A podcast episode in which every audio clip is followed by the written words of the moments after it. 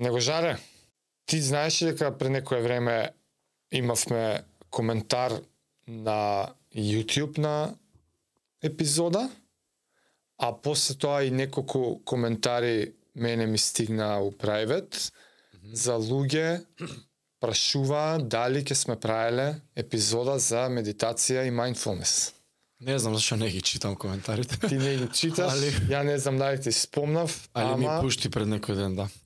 Имаме Така начнавме епизода овде. да, имаме Публиката а, бара. реална потреба од неколку луѓе од публиката да чујат што имаме ние да кажеме за тоа.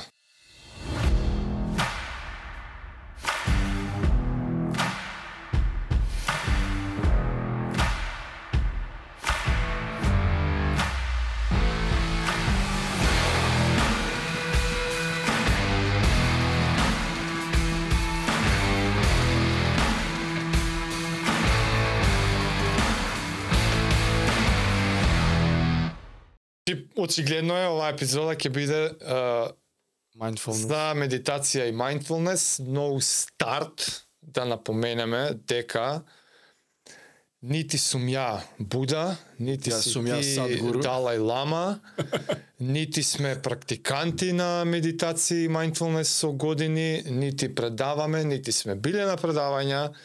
Моето лично искуство е од пред неколку години ќе раскажам како малце влегов у тие води, Исто јас. терав некоја праксичка, а денес ако ме сретнете и ве интересира, ќе видите од муабетот што практикувам, а што не и колку е тоа дел од мојот моето секојдневие.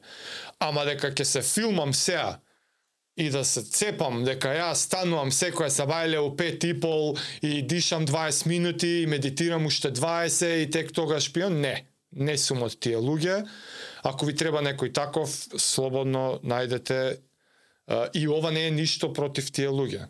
Значи ја ја од Секоја такви чест на тие да, луѓе што го прават. имам учено, Исто, да. такви имам истражувано за себе што е муабетов позади оваа илјадници години позната традиција на некаква пракса. Си ги у раскажеме нашите искуства, како ние сваќаме mindfulness, Да. што е искуства со медитација, како Да. сме се научиле, кои техники, како. Успат, ја ќе пробам да Да, и да овако да теоретски. парафризирам некои си дефинициички, поише колку да ми олеснат за доловување на контекстот, нормално како и секојаш постојат многу попаметни извори на информации, материјали, пишани, непишани видео, аудио, подкасти, YouTube видеа, книги милион. Сепак ова е нашата перспектива, ништо повеќе. кој што ако некој го интересира повеќе, ве молам посветете сериозно време за проучување на вистински начин за тоа. Е, која сме? Која ќе почнеме прво? Со тоа, со тој important notice, како и се друго во мојот живот, многу ствари мене ми потекнале едноставно во таа постојана постојано бркање на успех на спортски план. Ситните проценти. Да. И така, некако, пред неколку години, која си кажав, кога у животот ја ќе тренирам демек као професионален атлета. Тука веќе бев во велосипедизмот навлезен и сите ние си са сите. Не знам дали сите. Некои кој нас добар дел од животот сањаат за да се професионалци, за да живеат од спортот, ама ја така у некој период од живот сикам добро што конкретно од тоа сакам. До парите не ми е. Сакам да да тренирам по 5 сата дневно. 500 сата. Океј, тренирај. Сигурно не ти тренчи Знаеш, увидов некои такви моменти, што точно ме влече од тој сон за професионален спортиста. Не ме влечела платата. Не славата, не, не ме влечела славата, не ме влечело светското првенство, едноставно ме влечела Процесот. помислата да живеам како професионален спортист. Океј, како живее професионален спортист? Спие кој што треба, јаде кој што треба, тренира кој не е нормален и после опоравува Се како што треба. Ја го увидов тоа некако и си реков, океј, имам регулар джоб, имам обична работа, ама остатокот од 16 сати од денот, ја ќе живеам како професионален спортист. И на таа моја тоа потешествие, Кога си го правеше подвигот за Словенија? кога тоа е тоа е веќе прикрено, тоа е веќе трета година од процесот. А, тоа е друго. Втора, трета година за ланската трка што беше јаката словенска. Ама моабетот е да. Значи решен сум ќе тре- ќе тренирам како професионален велосипедист. И воведувам се од ова што кажав. Воведувајќи се повеќе, значи посветуваш внимание точакот, опремата, програмата, што јадеш, како спиеш. 24/7 беше ориентација кон перформансот, успехот на спортски план. Се што читаше во врска со тоа. Е така, успат на некои читанци, искача некоја статија, не бе слушав некој. Слушав некој подкаст. Објаснува, вика, правиш тренинг. И што прави обично човекот после тренинг? Одма си тера со денот. Така? Што и нормално. За луѓе, Да. посебно луѓе што имаме работа, едва си нашол саат два за тренингот, туш муш на нога банана, вода и терај, Чао. терај со денот. Сакаш, идеш идеш негде работа, дома те чека, Обврски, ручек, бе, чуда, обврски. обврски. Секој дневи. Мереле, правеле некакви мерења, тоа наспроти одма после тренингот, значи како завршува тренингот, 5 минути. Почекај Добро. почекај. 5 минути, легни, нема музика, нема други outside distractions, легни и диши. пет минути. Само за полека таа енергетската состојба да ја снижиш и тогаш продолжи со денот. И мереле ефектот на рекаверито.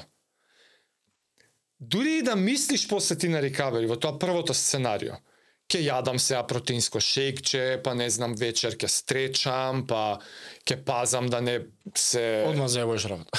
да не се пре, пренемага многу остатокот на денот. Наспроти сето тоа, ама плюс 5 минути малце чил, Не ги мисли одма одма. као страшно подобар рекавери на крајот на денот. Исто ќе спиеш, се исто, се исто, единствената разлика 5 минути одма после тренинг. И ја у тоа време тренирав е, е, дома на тренажер. И како завршувам со точакот? 2 сата, 2 и пол, 3 сата, колку и да е, на тренажер, само соблакам кондурите и на онакво йога мет, Йога мет. на йога мет, легнам, тајмерче, 5 минути. И тој објаснуваше не ти треба посебни техники, не ти треба посебни троари, не се не е ова медитација, не е ова ништо, вика, ова е енергетската состојба од тренингот да се смири и толку. Ако ви помага, мислете на дишењето. И сега ти кога лежиш Кога те на води стари корак по корак. кога лежиш на грб, а по-убаво доаѓа до израз ако дишиш на диафрагма, ние спортистите сме многу свесни за тоа. И вика, забележи си, како ќе ти ставиш рака на стомак и ќе си забележиш како се крева раката горе-доле. Толку. И ја го правам тоа, многу убаво ми доаѓа. Недела за недела, не пропушам, секоја вожња. Ако сум ја правил Па надвор, ти ги течак. Само буквално, значи се симнувам точак, шпринтерицата со облакање остање и со се уште во бициклистички, се уште да, те мајца, живода. Ако сум правил надвор тренинг, како влагам у врата, на страна точакот истото. И така поминуваат недели, сикам, Шо Мене- осети? ме, убаво, стварно, Не, после неделите мисли. Е, па се... Знаеш, осетив убаво, осетив дека наредниот ден немам проблем. А тоа е главниот челендж на секој на секој атлета е Океј, ја денес ќе рикнам, ама и утре ме чека тренинг и после ме чека тренинг и како да неделите мене прогресиите ми, биде- ми идеа убаво, се беше мерено со Garmin и HRV, немаше стрес, не се зголемуваше рекавери убаво, значи се сеќав убаво. И знаеш, оноа, а може и психички. Ако, Ако? Ако и, и, и ако јас сум си, ако јас си, си верувам дека ми помага, тоа ми помага. Крч Тачно. тоа е. И јас си верував дека Ако ми помага. помага, ку кеш дали психички или Така. вистина пет Ако ти у главата веруваш дека ти помага така и си викаш да бе ми помага, Утредента си свеж. значи помага. Утре дента ја идам со елан па да Така правам тренинг. Ама, правејќи го тоа, сикам, мене ова малце на медитација ми заличува. А да, тоа ќе те праша, ти опиша луѓе, односно Не, ќе што читаш? не. Седни пет минути. Пет минути тоа. после тренинг, немаше врска со медитација. Никаков брендинг, епитет, ништо не му стави. Не бе, легни, диши, Кјути за пет да ти се смири од тренингот пред да продолжиш со денот. Дури, ни, Добро. дури не се ни туширај. Ја правејќи го тоа, си, са мислиш, сакаш лежиш 5 минути, 5, 5, не е ни малку, не е ни многу, седни легни 5 300 минути. секунди, Сакаш? не прави ништо. И ја, е, сикам, релативно колку што сите ние нешто сме чуле за медитација, сикам, ова мене Да не е тоа, тоа. ми се личува на медитација. Е така сега, ајмо книги, ајмо YouTube, ајмо подкаст, чекај са, што е медитација, зашто, како ово, оно. Така влегов ја да ги искористам се, ако више лежам ја пет, и ми помагаат пет, 10, може малце поише ќе ми помогнат. И ја почнав по Дека е техниче плюс. по 10 минути да лежам, ама умеѓу време расчитав нешто материјалчиња за медитација, па како тоа помага на така и емотивно и сега да не налагам тука, знаеме за што се може да помага, ќе ќе дообјаснам малце покасно. Битно тоа беше мојот влез у таа сфера. И пред да преминам сега да разграничиме дека медитација која се збори, јако ќе кажувам сега, подразбирам на, на праксата. Медитацијата е праксата што би ја правил, користејќи одредени техники. Фактички тренинг за фокус. Да. Ќе објасниме како што. Mindfulness, on the other hand, свесност, на друга страна, не не се однесува на некаков тип на ритуал или пракса, повеќе се однесува на состојба на умот.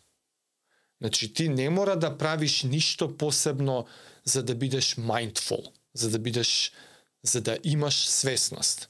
Свесност може да да имаш во било која сфера во животот, Било во кое било кој време. момент.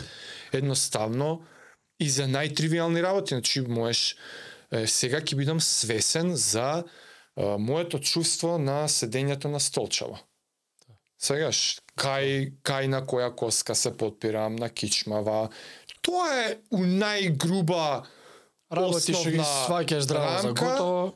кога се вели за mindfulness, се мисли на таа некоја состојба на умот или или карактеристика или вештина што може би си ја развил, што повеќето луѓе ја имаме до негде и сега станува збор за колку ти ја развиена. Сега, Што си поразвиен, тоа Едниот моменти едниот нема да ескалираш. пример е секој може да осети кога седи да бе да го осеќам гзот дека ми се стиска на столчето. Тоа е едно ниво, друго ниво е кога Кога возиш ти точак и Не, енергетските вредности кои да, кога каснувам колаче, дека осеќам стрес у срцето и вискозност на крв, значи до тој до тоа ниво на свесност. енергија, енергијата на мастите се префрла јагле хидрати. Е, да, да памтиш. Тоа е да, друго памтиш, ниво. Памтиш, да, да, Памтиш. да. Е, за каде овие два термини се преплетуваат е за тоа што медитацијата како множество на техники што тренираат фокус, што тренираат концентрација, може да помогнат да ти почнеш да развиваш повисоки нивоа на свесност. Затоа што ти да си и да сакаш сега да, да бидеш свесен за нешто, пак е тоа одредено количество на концентрација што треба да го насочиш кон тоа нешто за што сакаш да имаш свесност. Точно. Е, by the way, тоа да ти било буквално како да си трени, како да тренираш некоја мускулна група. Тоа мускулче у главата што е задолжено за концентрација и за држење непрекината концентрација, буквално може да се свати како мускул што може да се тренира. Ја како обседнат за тренинг, а чека се тренира, дојди сега. Ново. Ај, ајмо прогресии. Теа, буквално така беше човек. Јас сега ќе правам прогресии. И една од првите најосновни вежби за тренирање концентрација е замижи или не, замисли го бројот еден у глава и само на тоа мисли. Просечниот, просечниот човек нема да може да, да ја држи таа ментална слика поише од неколку секунди Нема шанси. поише од неколку секунди. Арно, ама, екстра информација што ја дознав учејки сега за тоа, е тоа не е како обесхрабрувачки факт, не е вика, од тоа, тоа е поентата. Да го приметиш, Препреката е таа. да приметиш кога си ја изгубил помислата. Да ја фатиш. Е така, Ај, да назад кецот. е тоа е трен, тоа ли е тренингот? Нема проблем. Еден, еден. Еден, еден, си, си прекинал и се фаќаш. Ајде. Денес една Си се минута. успел. Денес една минута, без разлика колку пати избегала мислата, се вратила, избегала, ама една минута. И буквално можеш и да си да си забележуваш, да си мериш. Да бе, мерливо е, како е. Мерливо. И пак, што мериш, се Се напредува. подобрува, така е. Е, у 10 минути јако лежев. А, на почеток почнав со бројки. Мереше колку пати ќе се фатиш да, ќе да. И една од најубавите ствари која правиш за било што тренинг е кога приметуваш напредок. Прогрес. И ако си реален со себе, ќе видиш дека првиот ден каква каква ментална слика. Ти е срам Па- да кажеш медитација дека Па 300 пати ми летна. 300 бе. 300 пати у една минута. Утре дента, че не бе, Можеш да 285. забележиш дека е помаце. Немаше човек 5-6 пати. Немаше 5-6 пати кај што веќе можев да врзам минута со 2-3 2-3 губења. Ветри врдање лево. И тоа ми беше, види бе, стварно се тренира ова човече. Е, ама ми стана малце некако бројки, ве, па и после, не знам, можеш да ги да ги пишуваш вака у, у, у менталната милиарда техники има. Па да мише, ама после негде видов, Со не бе можеш и да дишаш. Него не е тоа првче. За тоа што не ова со бројки ве беше кога сватив дека може да е прогресија, дека ова е тренинг за концентрација. Јас така бев упознаен. Дишење, прати си Е, и читајки, вика, за тоа што е ова тренинг за концентрација, ти објект или субјект како како момент за сконцентрирување кон нешто може да е било што, Точно. може да е мисла, може да е објект што го гледаш, може чашава да биде објект целта на твоето фокусирање сега. Било што може да е. Се додека го правиш тој принцип. Мисли само на тоа и фати се кога ќе ти отиде мозокот Кој нема да мислиш само. на друго нешто и врати го. Тоа е ништо друго. Магијата на сето ова е ако го правиш доволно долго, тоа мускулче што ти си го истренирал, после го користиш за каталјон други ствари, како и дедлифт на кросфит што ти помага за lower back, исто така ќе ти помогне за дискус, за багажот од кола, за колку можеш да одиш без проблем и тако дале и тако дале Дали до набројуваме, да. бесконечност. Животот е друг затоа што можеш да кренеш дедлифт. Апсолутно исто ја тоа го увидов у рок од 5 дена. Тоа мускулче сега што ја го имам силно да фокусира, мене ми се наоѓа во интеракции со луѓе, тука си присутен, го слушам, Дава без да, смиреност. без да отидам негде со паметот, сакаш го следиш, те смирува да а, си ги контролираш емоциите и Е, така така. дале. Мускулче што е неопходно за се ова понатака што ќе збориме. И битно така се деси. 10 минути сега ја лежам, окей, ќе се фокусирам на дишење. И стварно, дишењето, едно, нели како и се друго, чекај се, више ако ако трошам 10 минути на дишење, дај да видам што све може да правиме различно со дишењево, сваѓаш? Тука дојдоа Вим Хофови, тука дојде друга книга за дишење, бокс бридинг, нели, Да, 4-4-4-4, Оно биотенко метод, бютенко метод, и сега каталон техники има и тука, и се, nasal само на нос. се се врати на контролирање на тие неколку параметри, колку време држиш здив, колку време зимаш здив, колку време Испушта. испушташ здив, а, Тие се со што го зимаш здивот, со диафрагмата, Обично секаде со со белите диафрагма, дробови, со долни бели дробови, со горни дробови, со па носот. Се се тоа различни мали аспекти на што ти можеш да се концентрираш додека дишаш. Долго долго време, ја кога сум зборал со други луѓе, сконцентрира се на дишење, на нив ни тоа не им е јасно, ама што кај да се сконцентрирам? Што значи тоа да се сконцентрираш на дишење? И сум Што е валидно прашање. Па стварно е валидно. Ја исто сум го прашал. Зашто не го подетално не ти ми го? И еве ги тие моменти, буквално, окей, сконцентрирај се како ти струи воздухот низ носот. Така И ќе ме- како излегува. чекај тоа? Да викам тоа. Само тоа. О, па ја ми они, знаеш, повеќето луѓе мислат кој знае сега он а, на енергијата на универзумот во и воздухот така се како представува у... и заради таа некоја Етеров. пречка на на некоја предрасуда што имаат луѓето Дека е тешко и невозможно. си мислат, а, ја ова, не бе, друже, мисли, не знам, или стај си раката и види како ти мрда стомакот. Исто како со постењето што беше. Или не знам, примети дали Почни, сакаш почни, Почни. и тоа после неколку месеци не знаеш колку адванс станува. Тачно, прерасно. Нема, ја ќе дам неколку примери на кој левел сум денес. Ама како и се друго, ти кам понесен од Еуфорија. тој мој карактер на чај час, а ова како поинаку. И тоаш вего, и Вим Хофови и ово оно, и секој ден ја па не бев нешто конзистентен, ај са Вим Хоф 6 дена. Не бе, ќе опробам. Па сум прочитал друга книга, са ова ќе опробам. Ова, па, па не знам, едно време прочитав се додека издишувањето е подолго од вдишувањето, го активираш а, парасимпате, го активираш релаксирачкиот Релаксирач, дел да. на, на нервниот систем. Нема проблем, ја приметив дека природно така дишам. Шест вдиши, две задржи, осум издиши. Без да мислам на тоа, ја забележав, дур си лежам така после тренинг, дека ја природно После многу подолго минути што ги правеше. да, издишувам, отколку вдишувам. И викам, супер, значи ја го правам тоа. И by the way, и ова сакам да е дел од пораката.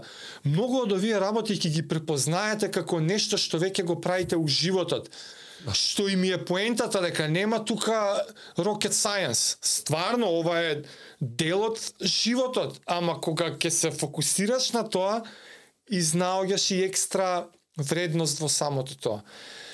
Вим Хоф, бокс, едно, друго, трето и си го правам ја тоа подолго време и by the way ден денес ми е некојаш пракса одма после тренинг. Од таму почна како читам ја медитација чуда почна се поише овој термин mindfulness да го среќавам. А и ако секој друг чека са, нели е исто во ова, што са баби жаби само Ја исто, зашто бе има милион ствари, дај Нови објаснете еднаш вака и вака и чао прија. А, Ајде са, што е mindfulness? И како што реков, mindfulness е само состојбата на умот да имаш свесност за нешто. Читај mindfulness, нешто многу вредно што ми беше тогаш е по, после неколку подкасти Сем Херис има своја апликација, се вика Waking Up, која што е фокусирана покрај медитација и на mindfulness. И тие се guided, водени од него, малце теорија, малце објаснување, што е поентата и неколку така во уз медитирање уствари да е сега тоа е интересното. Рековме медитирање е, тренинг за концентрација. Фокус. Ама ако тој фокус го насочиш како си тоа Канализираш. да го да да го насочиш кон ништо, односно ако сватиш фокус како tunnel vision кон ова конкретно нешто, сега сум фокусиран на чашата, сега сум фокусиран на на дишењево на диафрагмата. Исто така можеш да а, значи ова ако е како се ка конкавно или како и да е, за тие што ме гледате ќе покажам вака триаголник. Обратно од тоа стеснува. се, да, се стеснува. Обратно тоа е фокус кој што се шири. Тесно кон И уствари ти можеш да си фокусиран, ама отворено кон сите можни информации и сензорски информации што ги примаш. Е тоа е како прва некоја фаза на свесност. Односно, пробај да забележиш што се забележуваш. Птицата горе како пее, како Е, свири. тоа беше преку таа апликацијата на Сем Херис, Waking Up. Пробај да забележиш што се забележуваш. Што е некоја како мускул што се наоѓа блиску до овој другиот мускул. Уште еден имаме, значи. Тука, ајка, вида, и ово можеш да го тренираш. Затоа што и тоа се можеш да се приметиш како се подобруваш. Буквално, окей, првиот ден приметуваш надвор некоја кола шкрипи, некој врапче пее, може некоја перална работи, некој комшо се дере, пет-шест ствари. После неколку недели се зачудиш што се забележуваш. Учиш како и да ги стишеш па после. По, да, после после го менјаш, само- чекај, сега птицава, сега кола. Па после ако е ова, после обрат. Е полека О, тоа да. и тука видов нешто, забележав, увидов за себе, каде моето цело животно спортско искуство ме има предодредено малце со предиспозиции за прилично високо развиена свесност на тема моето тело. Физички. Како се осеќам, повеќе на почетокот некако површно, повеќе моторички, а понатака и внатрешно. Оти читајки сега гледам, оке, сега развиваме mindfulness. By the way, го користиме мускулот за фокус, за да за ти ако одвоиш 10 минути сега ќе одвојам за да осеќам како е, ми е наместена ногата. Сваќаш или стапалото додека возам точак. А и тоа е битно, значи сега откако разграничивме ова, можеш да си mindfulness во било кој момент од животот. И сега ја возам точак на тренажер дома затворен, колку ќе гледаш Netflix, колку ќе слушаш музика, се ќе преслушаш, рачунај. 360 дена у годината, 3 сата, што све, на Netflix више нема што немам гледано свегаш. Немало епизоди Джо Роган. Да, све си слушал.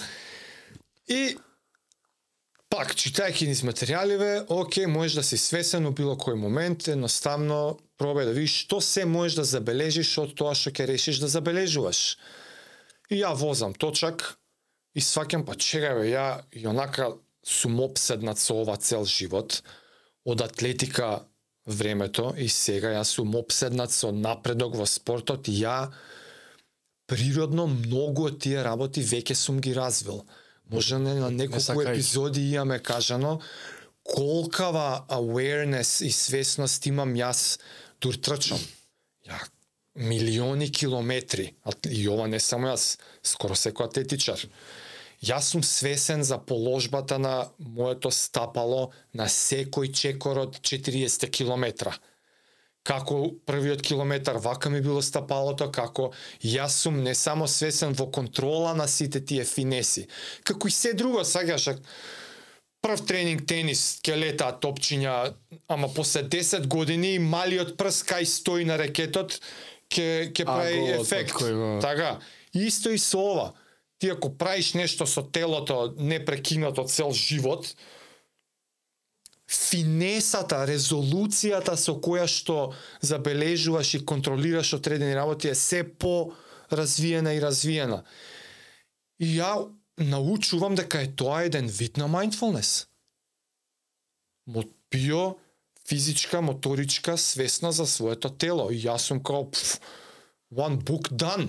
От ти имаше цели техники за како сега ти па йога нидра е by the way една таква техника додека лежиш фокусирај се на малиот прс. А, да, го- па ајде сега движи се помали прстот на ногата, па дојде до палецот, па петата, па Да, ахилова тетива, па задна ложа, ја тоа сум го правил 24/7. Возам точа кај ми е коленото, па седиштето кај ми е па раката наместена, значи јас тоа го правам по дефолт. И си кам, види бе, значи, и by the way, пак уште една порака за сите вие луѓе што се фаќате кога сте обседнати со нешто, тоа е еден вид mindfulness, свесност. Колку можеш да забележуваш детали во врска со нештото. И сега ја, знаеш, користејќи го тоа, почнав и интерно да го насочувам. За таа свесност можеш да почнеш да ја насочуваш и кон внатре. Е, тука треба малку повеќе комбинација на медитација и mindfulness, затоа што ако тебе нон-стоп те бомбардира нешто друго од надвор, прво тој мускулот за концентрација е веќе оптеретен, кој што ти треба за да се фокусираш, да речеме, на како денес ја го осеќам срцето. Како го осеќам дишењето. Дали, знаеш, имаш некој притисок во абдоминалниот дел и се тоа, некоја веќе и некоја спиритуална нота почнува да добива. И ако и тука веќе се фатив да сакам и така малце интерно да развивам некој mindfulness, кај што by the way, рипаме некој период кај што ја не медитирам, ама ми текнува, аха, сега тие техники од медитација можам да ги искористам, дали музиче, дали нешто што ќе те изолира од надворешни информации, за да можеш ти да си се фокусираш на и пак почна од дишењето. Арно ама. Буквално диафрагмата, колку ја потиснувам, колку ја враќам, кога ја враќам, кога притискам во белите дробови, колку, каде, кај се наоѓа воздухот. И моето искуство беше, иако ова звучи некако мамбо джамбо некако, кога го правиш доволно долго и сам себе си се уфилмал на еден начин, ја така се, ја така сам си се сваќав. Да, да. Дека ја првиот ден кога мислев на диафрагмата, окей, се крева стомакот, да, дишам на диафрагма и толку. Ама јас си се присилив да си се уфилмам, не, не, сега, ќе го правам ќе, еј, кај да е некој ден, ќе ми дое нешто и ќе осетам ја нешто. И така неколку недели, стварно, дури не го осетиш, не можеш да знаеш. Така е. Е, тоа беше некоја моја така вовет и први месеци како почнав едното па другото па двете да ги комбинирам и откако увидов откако стекнав некоја си така речеме од 1 до 100 ниво 3 од вештиниве увидов дека аха значи сега ја не морам да одвојувам 20 минути од денот за ова ако ми треба за нешто да активирам свесност, знам како, имајки го тоа мускулчето за фокус, и знам дека го имам како една алатка од арсеналот на алатки што ги имам во животот. И во најразлични ситуации, едноставно само Активација. треба да се створи навика, да си се подсетиш, е, ај уклучи малку свесност сега, пред да рипнеш да се Зошто ме тангирало, зашто? Свегаш, толку. И сега мене, во секојдневието сега, само на тоа би дал акцент, дека се сведува на навиката да се подсетувам да уклучам свесност во одредени ситуации. Па тоа беше нели оној warrior mindset што го зборевме пред 100 епизоди. Кој не ја има гледано таа епизода, пуштете. Што беше моментот? Моментот беше да си бараш начин за напредок во секоја ситуација без разлика дали е добра или лоша. Односно, кога е лоша, зашто добра, кога е лесно е да бараме, Да. нели? Кога е лоша, тоа е лошо да го свртиш у позитива, кај веќе научиме сега, тоа е, се десило, за нареден пат да не се случи. Да. И таа е таа свесност уствари што јас така ја сваќам. Така е, тоа е Така вид на е. свесност. Ти си имаш свесност за таа ситуација. Да, и за сообраќај, и за 300 чуда. А, јас со медитација, што од многу рана возраст знам што е, ама не ја практикувам, што мајка ми јога има вежба Да. младоста пред 100 години, била и инструктор и цел живот медитација, медитација, медитација, медитација. Што си мислеше? Кај да некој нешто мајка ми што прави. Не му давав назначение дете 7, 8, 9, 10, 11 години. Како доаѓа овие интернети, YouTube и се почесто контент таму да се гледа, нели самостоен, не само телевизија. Се повеќе искача и тој тип на луѓе со таков тип на контент, со објаснување Да. на овие работи. Медитација, медитација, е, мајка ми го збори тоа, што што е ова што го правила, што е? Се она пробујала поише пат. Ајде легни водечки, ова. Стварно, да? Да, да, да, ајде легни, се осети рака. И се некој тоа basic се. Осети го по Ти добро си осети го показалецот, осети го средниот прст, овој четвртиот малиот палец. Ајде, идеш лактот, рамото, се осети у глава, па. Јако, јога нидра. Тоа е тоа, Тоа е што? тоа, јога нидра. Ете. И ти лежиш, после 10 минути, супер ти е.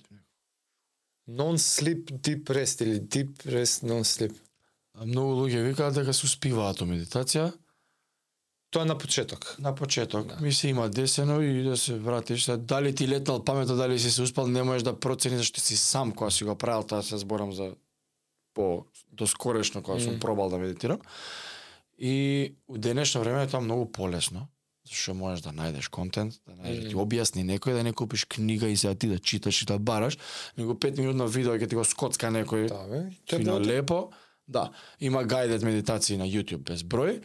И а, брат ми ми каже една апликација, Медито, се вика, Мед, Медито. А, има милион, бе. И е бесплатна.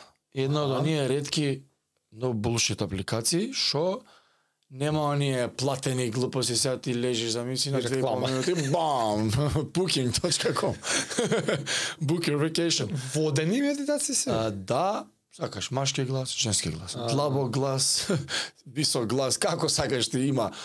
По име ги дава луѓето. Нема врска кој е прв. Па има 2 минути, 3 минути, 5 минути, 10, 15, 20 саат време. Да, бе, да. И половина медитација. И е многу фер апликација, не треба да ја купиш, не треба да плаќаш. Ако ти прави кеф, донирај кого што мислиш. А, да. Пушти ни некој динар. Фер. И Пушти ја тоа браво, дечки, тоа бе, 5 долара, разбираш. Се 100 души по 5 долара, па милион души, И ја пробаве? ја пробав, ја апгрейдуваат апликација, е супер, да, нови гласови, нови гајде.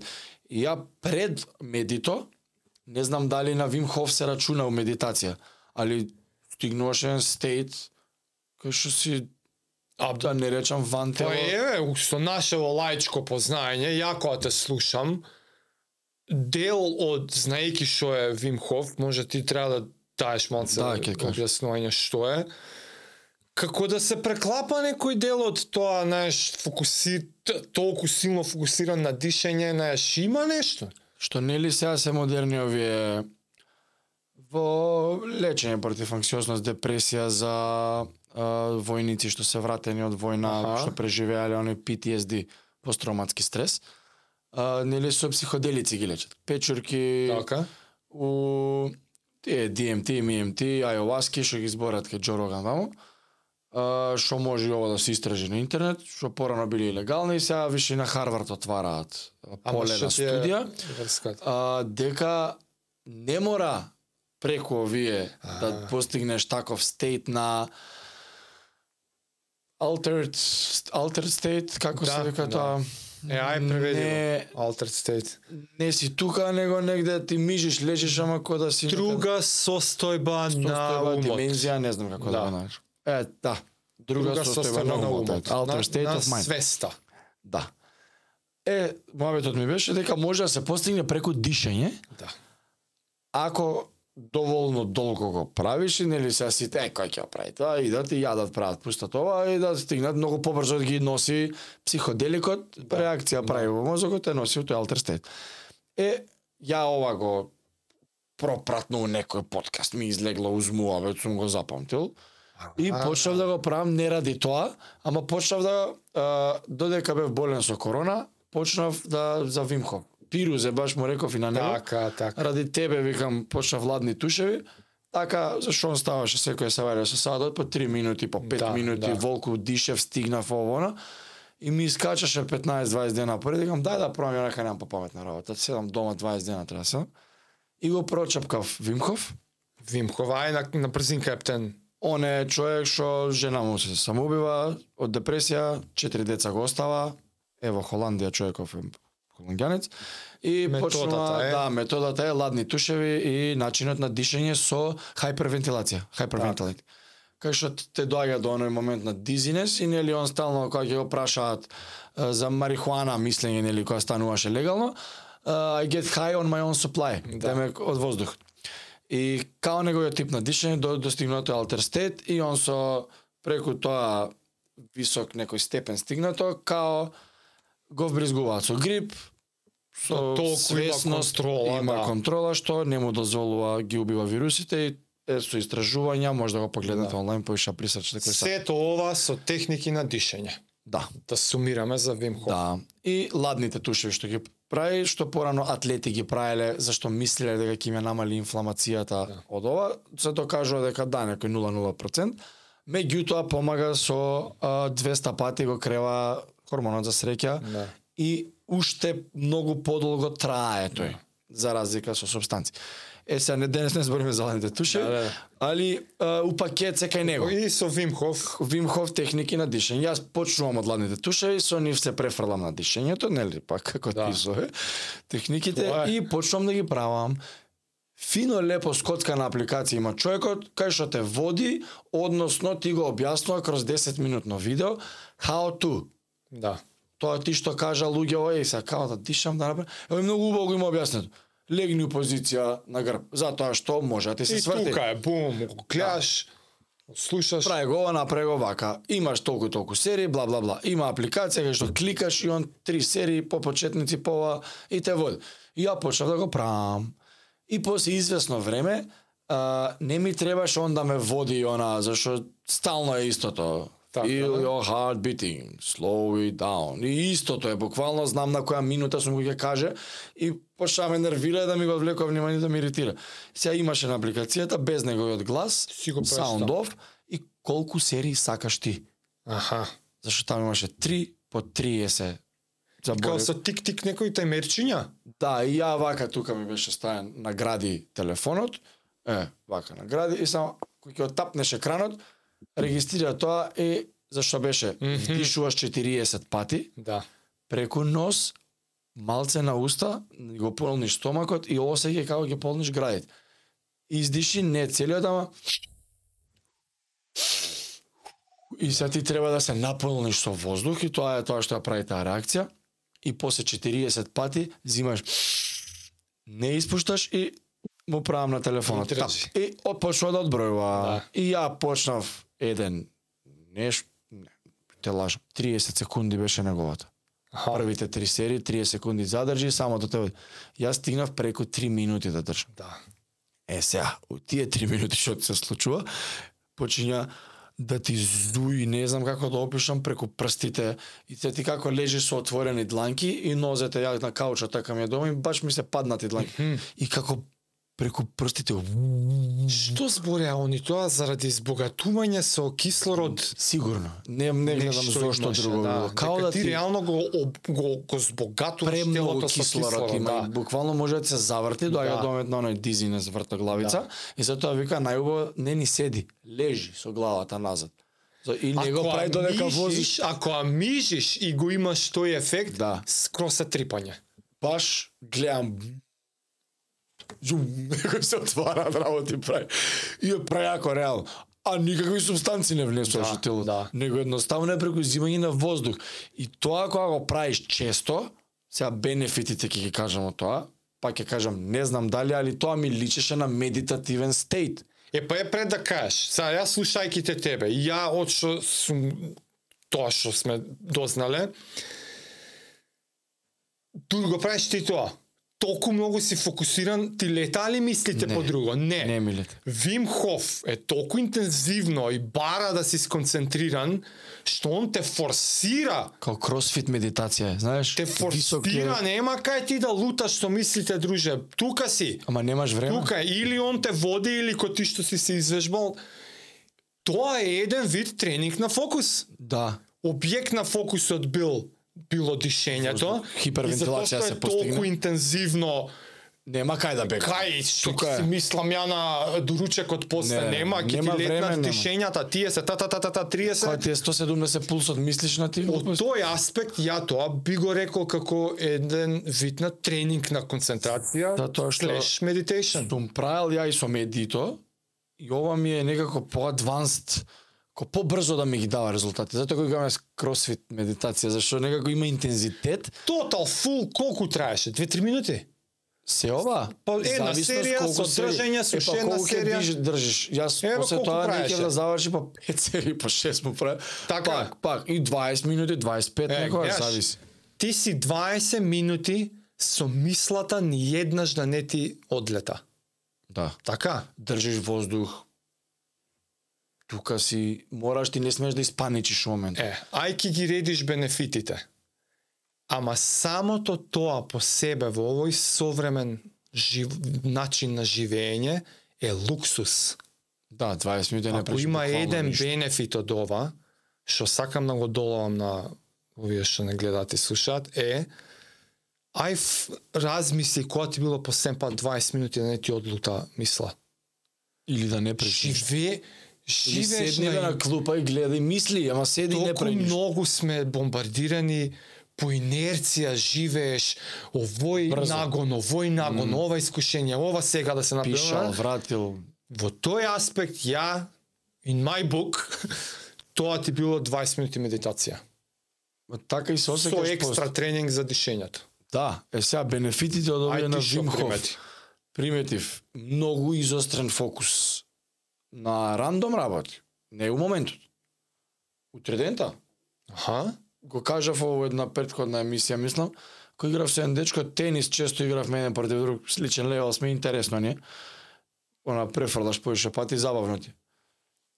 Момент, тоа толку јас мал период сум посветил месец до два на оваа техника. Па сум ја прекинал, па сум се вратил 5-6 пати. Секоја кога редовно правев 4 пати неделно, имаше еден период од 6-7 недели кај што поред 4 пати неделно, не секој ден, го правев ова. И е, баш тој период се погоди тенис со дечко со Кико да играме.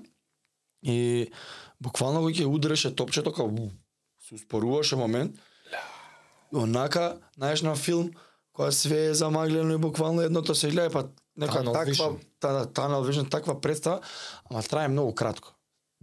Дали една секунда. Аха. И ќе го видам и три пати у целото играње. Ти ви кажа целиот меч и немаше кај да. Три топчиња по пола секунда така ги видов. Ама толку целото силно ти остелов печаток. Да, она и ова ли е тоа што го Претходно си играл, па не ти се десило Не тоа. ми се десило никош. Само додека го правев ова, мисли, имаше случајно. И тоа е еден од бенефити. Си помисли, викам, а замисли ова да го правиш цело време, толку уходан, и по 10, по 2, по минута да ти задржа така внимание и фокус. Че ова може да се тренира. Така. Еве ти една мерка на мерливост, да. Прва баш, буквално. И после тоа, не, откако ќе заврши а, самата пракса на дишање, ќе ги отвориш очите и си као како приземен, тука си. Не леташ, не ова. Некоја смирена, за тоа преска ти рекол некој тип на смиреност Да. осеќаш и на некоја благосостојба вака рамна линија. Што Те трае тангира текот на ден. Трае, да. Друга работа, кондициониот перформанс ми се подобри. Без Е, јам слушано и за тоа. без а, активно интензивно да умирам на точак или на, на интервали на трчање или на ровер. Со самото дишање мислиме капацитетот веројатно на плуќата се зголемува бидејќи внесуваш огромен огромно количество на кислород. И ти некој мимикинг имитација правиш на знаеш на која си задишан, на висок пулс, Ама не знам. транспортот е. Абе види, За тоа толку е комплексно телово, толку Да. ништо не знаеме, Да. а се на ниво на клетка се адаптира. се адаптира. Така што ако постои негде механизам на транспорт на кислород и тој механизам ти сега си го тренирал, ете една област на подобрување. И тоа е убаво. Така што ние може да се филмаме са што сама ти си примети подобрување. И јас што и да е и у главата да ти било, Не е у главата, зашто брпиш, правиш бокс джамп, ана трчаш, правиш викам, не се умарам кој што било, ме разбираш. А еве сега и за медитација ќе се навратам. А, на апликацијава што збореше ти преска дека со дишењето. Ја мајка ми ми има научено пред апликацијава најбейс левел, затоа ме зачуди со кецот, мислев ќе продујам, а не го кажа. А, четири пати зимаш воздух, например. Еден, два, три, четири. Не продолжувај пет. Назад. Еден. А, за да броиш. Два, да, три. да. А, тоа е некоја техника веројатно за почетници, да те врати кај кецот. Да, Че ти ако си 5, 6, 7, а, тоа нема крај свете е ново, нема патерн. да. А ова четири пати взимаш воздух назад. Еден, два, три, да те четири. форсира да Назад. мораш да го мислиш. Назад и цело време си назад. И Јас таа техника сум ја запомнила многу, сум бил помал јас, не, знам, 14, 15, 16 години сум имал тогаш.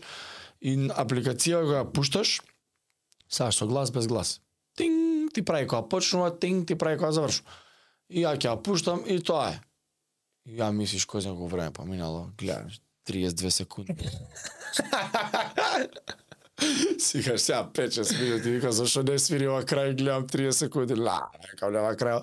Исто Ама е. нема врска, се е ова процес, се е ова пат што треба да се оди, не нема Да, правилно, да, нема да. погрешно, значи пробајте само. Има бенефит, јас не практикувам секој ден, ама ти што кажа ти дава алатка за свесност и тоа е тачно. Знаеш да, Да. препознаеш у момент зошто ми се случува тоа што ми се случува и за почеток и многу повеќе тоа мислам дека е доволно. Мојот најголем бенефит беше тоа што забележав и, и забележав та тоа имање свесност е ненормално вредно за мене. Јас си го сметам како како суперпауер. А така е? И ако ако, ако е тоа бенефитот, окей, не ми треба друга состојба на умот, не ми треба enlightenment, не, не знам што све друго Буда преминал у девето небо или тралала. Ако некој го слуша ова и не гледа, и може би му треба мало мала Бустче. екстра мотивација, бусче или или се интересирал, ама не знаеш што да го прави, зашто. Јас користа што ја извлеков и ја имам и сум благодарен дека ќе ја имам цел живот е зголемената свесност за работи за кои што не можам ни да ги објаснам или ако пробам да ги објаснам ќе звучат не знам како ќе ме сватат луѓе кога да сум Се губи овој. кога, кога с- не знам Бајки. кога да лупам, кога да лупам глупости, нема да им се верува дека дали не дека пробаш, тоа не може да да да биде човек свесен за такво нешто. Сега ја реков, моите фокуси секад биле по спортски ориентирани, ама сега веќе и во животот го имам тоа. Пример е преска што реков, е, нели често со диетиве нешто, воно, јади ова, не знам, и у задње време ми искачија, ми искочија неколку као постови, не знам што беа, демек шекер е шекер, од кај да е. И ово ше било шекер, и торта било шекер, и кока-кола било шекер, и, Бел шекер е и, и шекер. бел шекер е шекер. И у компир. Океј, на хартија може би. Може бананата кој ќе ја ставиш у лабораторија и ќе излезе истата Гликемички индекс некако што и да е. Ама јас имам денес таква свесност за моите внатрешни процеси, ја осеќам разлика од истата грамажа колаче и банана. На хартија исто грама шекер имаат, исто калории ќе имаат, се исто ќе имаат на хартија и тој што тврди дека шекер е шекер и крај на приказната, Не е. Особено течниот шеќер не е како овој од бананата да Ама има течен шеќер од цвекло и има течен шеќер од ананас. Има течен шеќер од Ама ако ти го измелеш ананас, Има, ама сваќаш, ама има да на хартија е исто, ама и не е, затоа што колку и да ние развиваме наука, а и ова се поише станувам свесен, дека колку повеќе знаеме, толку повеќе ништо не знаеме. Знаеш само колку не знаеш. Толку е бесконечно комплициран универзумот и се во него, што ние ништо не знаеме. Што и да има у бананата нешто плюс или минус, не е исто како еквивалентот у колаче. тачно. Ама мојата поента беше што не ми треба некој да ми го каже, туку ја го осеќам тоа. Ја Са, сето ова, сето ова е пропратено и со внимавање, со јадење и со И искуство од многу години сега не е и преку применување, не некојаш јадеш за перформанс, некојаш јадеш за задоволство, некојаш вкус. јадеш за потреба, за гориво, за сме ги поминале сите тие работи. Се ова пакет со развивање на свесноста, на mindfulnessот, ме има доведено да денес, тоа ми беше како пример за може некој ќе слушне дека science fiction што лупа овој глупости, да не е можно, можно е, дека ја осеќам физиолошки процеси што луѓе ги учитаат, ги осеќам вака Има разлика, срцето различно подчукнува, крвна, крвните садови различно ги осеќам, има разлика ако јадам свинско со сланина, има разлика ако јадам го, јунешко со вакво, нивото на масти почнувам, вискозноста на крвта некојаш ја осеќам, денес ми е погуста крвта или потечна крв, ја ги осеќам тие работи. Примерот што го памтиш ти од точаците. Ја осеќам кога користам масти за гориво, кога користам шеќери за гориво, кога користам шеќери од црн дроп и кога користам шеќери од складирани у мускул или е, слободни циркулира во крвта. Ја ги осеќам тие работи. И освен тоа не знам што друго да ви кажам. Ја ова го сметам како супер мок.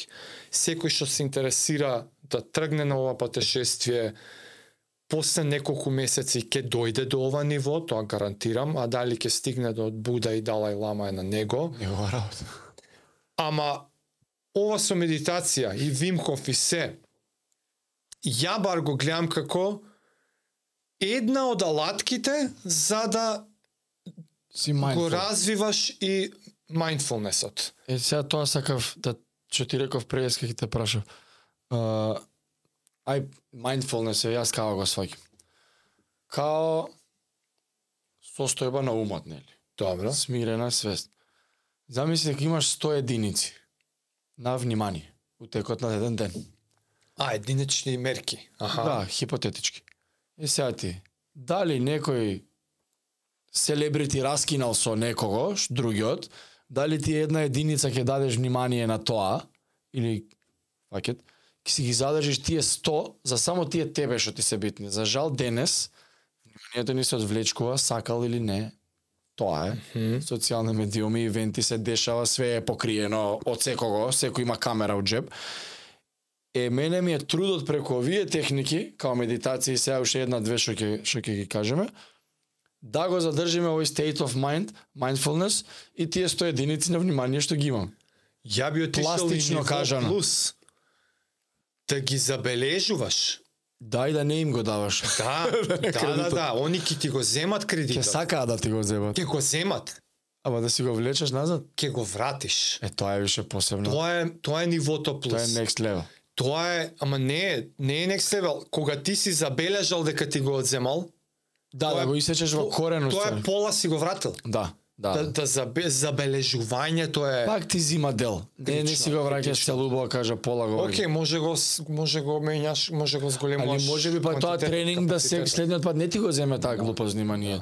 Или ако те опцуе некој собрге, колку ти ќе дадеш внимание, енергија исто така на тоа, Од тебе зависи на крајот на. Тоа е забележувањата се, забележувањата и како и сите прогресии, Нормално ќе грешиш, ќе ти се случува, ќе се растоиш. можеш од едноставни ствари, сега за тоа има на пример оние uh, mindful eating, mindful walking, mindful talking.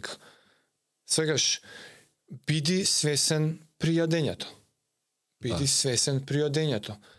Забеле забележувај што се можеш да забележиш. Е, една техника од тие да што јас ова што ти го зборив сакам да го применувам, не знам како да се натераме, ти гледам пишуваш Кој е? да запишуваш, А, да. ама не да запишуваш у notes. Тефтер, абе, ако Рака. се верува секоја нова година, сакам и на жена ми реков, викам дај ти те молам па и уште не сум да купам тефтер еден, мочан тефтер и пенкал. И да запишеш зашто е добра а, gratitude, као заш, оно и Жаре го збореше. Благодарност. Благодарност да си благодарен за банални работи. Да. Благодарен сум зашто денеска имав да јадам. Благодарен сум зашто имам чиста вода. Благодарен сум зашто имам сите прсти на рацете. И на пример, запиши пет работи на што си благодарен денеска. А, добра техника за mindful е оној со кругот со анксиозноста што го зборевме у пред некоја епизода, да. кажуваше Што е пред во твоја контрола во Да. кругот, се што е надвор е надвор. Исто така те става во state of mind да тие единици на внимание не ги даваш, да не ги раздаваш наоколу. Еј, заврна, ај, сега време во поплава, бла. Врне тоа е тоа. Тие се уште некои техники, е сега ти не знам дали го правиш тоа со запишувањето. Гледам со Жаре кога зборевте, он вер, веројатно го прави, не знам што го кажа. Да, ја правев едно време. Како се натеруваш да седнеш? Знам дека е како све е глупо прашањето, ама не може да се натерам човек. А, Као дебил се осеќам се, еве ќе запиш. Не знам Не, зашто. глеј. Одбивност еве некоја. реши, а ти си добар у тоа. Ко ќе решам, јас ќе бидам човекот што го прави тоа и ќе бидам човекот што го прави тоа. Тип на Сега што само, да, не. Реши дали ти е тоа најважна работа сега. Во во овој дел, во овој период од животот. Реши да ти биде тоа Да. најважна работа во денот.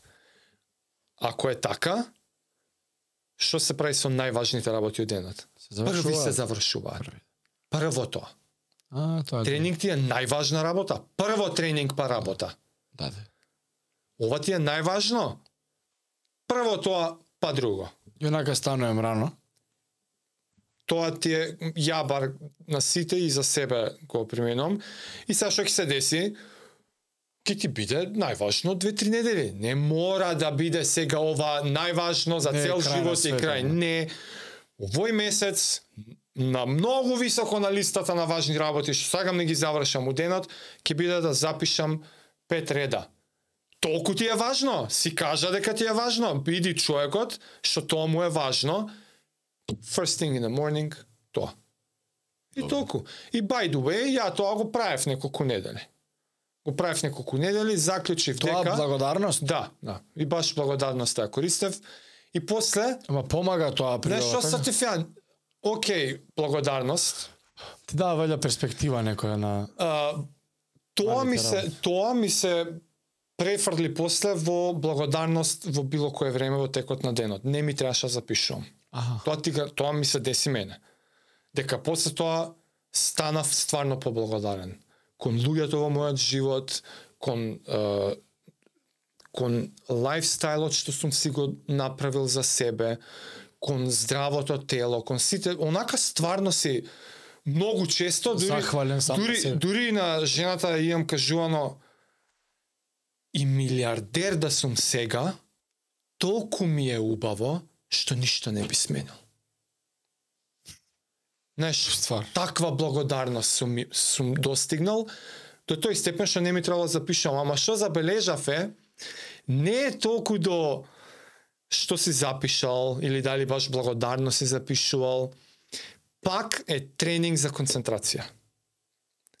Актот на зимање пенкало и ставање на Седнување. хартија те форсира да мора да си тука сега, да ја формираш мислата на реченицата, оти ако не, Како ќе на сред збор ќе што си сакал да пишеш. Да, да нема да напишеш нормално. Зamisli за колку тривиални ствари збориме ние сега, до кој степен е отидено современото општество, да ние збориме дека е луксус да ти држиш мисла 20 минути за да напишеш една еден лист хартија. кои 20 Иди минути? кажи му го тоа на дедо ти нека ту, сваќаш, Ќе ти ја Оти залепи. сега што правиме? Тестатура, компјутер, 300 браузери отворено, музика иде ваму, ваму иде видео, тук иде подкаст, та ваму ти Се куца некој на Slack на. Skype. Луксус е да седнеш ти да искуцаш мејл без 300 други Трзање лево. и тој мускул на фокус е изгубен, атрофиран, дури и да успееш се искуцаш мејл. Сваќаш, мултитаскинг не е мокност. Мултитаскинг е губење на способноста да држиш фокус. На една А нема успех во животот без фокус кон нештото што сакаш да го успееш. Мултитаскинг е мит. Со истражувања со све невозможно. Тешка глупост. Тешка. Тешка глупост е тоа мене ако ме прашуваш. Мултита... Плюс што не постои. Све е серијално, само контекст свичинг, контекст свич, контекст свич. Вистински вниманието во моментот е насочено на една и само Што на една. поише контекст свичаш, толку фокусот Го намалуваш. кринк, кринк и на крај иди држи број кецугла една секунда. Full circle. Ете ти го. И тоа само беше поинта дека едново е алатка, Другото пракса, состојба. другото е состојба на умот, се проклапаат, има различни, не мора да медитираш за да бидеш mindfulness, тука беа тие примерите. Оти многу луѓе се, се имаат одбивност кон медитација. Да. Океј. Кога кога ќе седнеш денес да јадеш, пробај да забележиш што повеќе работи во врска со тоа јадење. Тоа вкусот, текстурата, убаво ти е, не ти е убаво. Зошто не ти е убаво? Зошто преферираш тоа? И Да. Размислувај. тоа е свесност. Крај на приказната. Е па тоа е тоа. Фала уште еднаш. Шо, ви е нејасно, пишете, ќе пробаме да одговориме. Се надеваме ги исполнивме на очекувањата. На тие неколку што побаравте да разговараме за ова, се надевам на ова мислевте, перспектива. ако не, Јеби. тоа е тоа. Баш не е жал. Секој случај фала што не мотивиравте да збориме за ова. Until next time. Чао, чао.